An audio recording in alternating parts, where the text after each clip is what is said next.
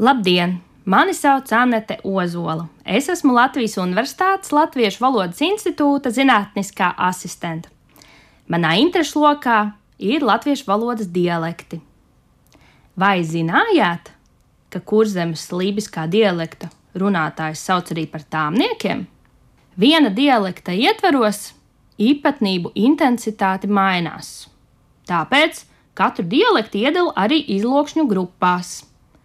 Piemēram, lībiskais dialekts iedalīts kurzemes dziļajās, kurzemes nedziļajās un vidzemes izloksnēs. Šāds izlokšņu grupu dalījums ir skaidrojams ar to, ka lībiešu valodas ietekme katrā no tām ir bijusi citādāka. Kurzemes lībiešu krasta ciemos pēdējie lībieši dzīvojuši pavisam nesen, taču vidzemes krastā tie dzīvojuši senāk. Tomēr visas lībiskās izloksnes vieno līdzīgs īpatnību kopums Patskaņa zudums galotnē, kur tautā dēvē arī par galotņu noraušanu. Arī sieviešu dzimtes zudums, kā rezultātā sieviešu dzimtes vārdi un pat personvārdi izrunāti vīriešu dzimtē. Piemēram, meitens, ants, ups. Arī trešās personas darbības vārdu formu lietojums citās personās, piemēram, es iet, mēs iet, tu iet, jūs iet, viņš, viņi iet. Un visas šīs īpatnības būs labi saklausāmas kā kurzemes, tā vidzemes izloksnēs. Kartē ir skaidri iezīmētas visu izlokšņu un dialektu robežas. Tomēr nevar noliekt, ka dzīvē tādas nepastāv, tāpēc ka valoda plūst un mainās. Tas saistīts ar mūsdienu aktīvo dzīvesveidu. Cilvēki dodas uz lielākajām Latvijas pilsētām mācīties, veidot ģimeni un karjeru. Protams, ka šādu procesu dēļ izlokšņu runātā valoda mainās. Tā vairs nav tik noturīga un izteikta. Protams, arī mūsdienu situācija nav salīdzināma ar to laiku, kad cilvēki izolēti dzīvoja vienā ciemā vai citā teritorijā. Izloksnes var ļoti atšķirties viena no otras, pat tad, ja tās ir blakus. Tas bieži saistāms ar geogrāfiskajiem šķēršļiem, piemēram, meži, upes un ezeri. Arī tagad var novērot, ka dažas izloksnes, kas ir blakus viena otrai, ārkārtīgi atšķirās. Ja paskatīsimies kartē, redzēsim, ka tur ir kāds geogrāfisks šķērslis.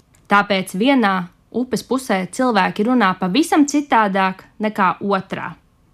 Agrāk upe ir bijis nepārvarams šķērslis, taču mūsdienās to var šķērsot piemēram pa tiltu taču īpatnības dzirdamas vēl šodien. Kurzemes lībiskā dialektu runātājus nereti sauc arī par tāmniekiem. Ļoti neparasts un interesants ir šī vārda skaidrojums. Iespējamās hipotēzes apvienojas valodnieks Jānis Enzelīns. Viņš arī norādījis, ka tā saukti tie latvieši, kas dzīvojuši ap Dundagu, Talsiem, Kuldīgu un Ventspili. Taču pašreiz tāmnieku teritorija ir paplašinājusies.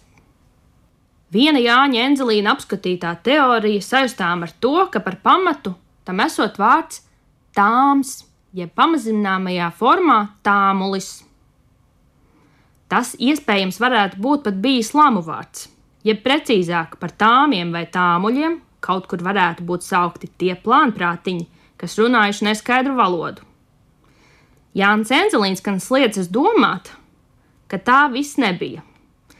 Iespējams, tāmnieki ir bijuši cilvēki, kas dzīvojuši noteiktā teritorijā, un vēlāk tas kļuvis par šādu lamu vārdu. Savukārt vecais Stenders savā 18. gadsimtā izdotajā gramatikā ir teicis, ka tāmnieki dabūjuši savu nosaukumu no vārda tām, kuru tie lietojot citu latviešu frāžu līdz šim un līdz tam vietā. Tas gan nav nekas neparasts jo nereti izloksnes runātāji dabūjuši savu nosaukumu no vārda, kas tiem ir īpatnējs. Piemēram, augšzemniekus, jeb latgaliešus, mēs saucam par broļiem, tāpēc ka viņi savā runā A pārvērš par O. Protams, līdz mūsdienām vārds tāmnieks ir nonācis bez negatīvas papildnozīmes. Mēs arī nevaram noliegt vai apstiprināt kādu no Jāņa Enzelīna apskatītajām versijām. To izmanto gan paši kurzdemnieki, gan mēs literārajā valodā, gan zinātnieki.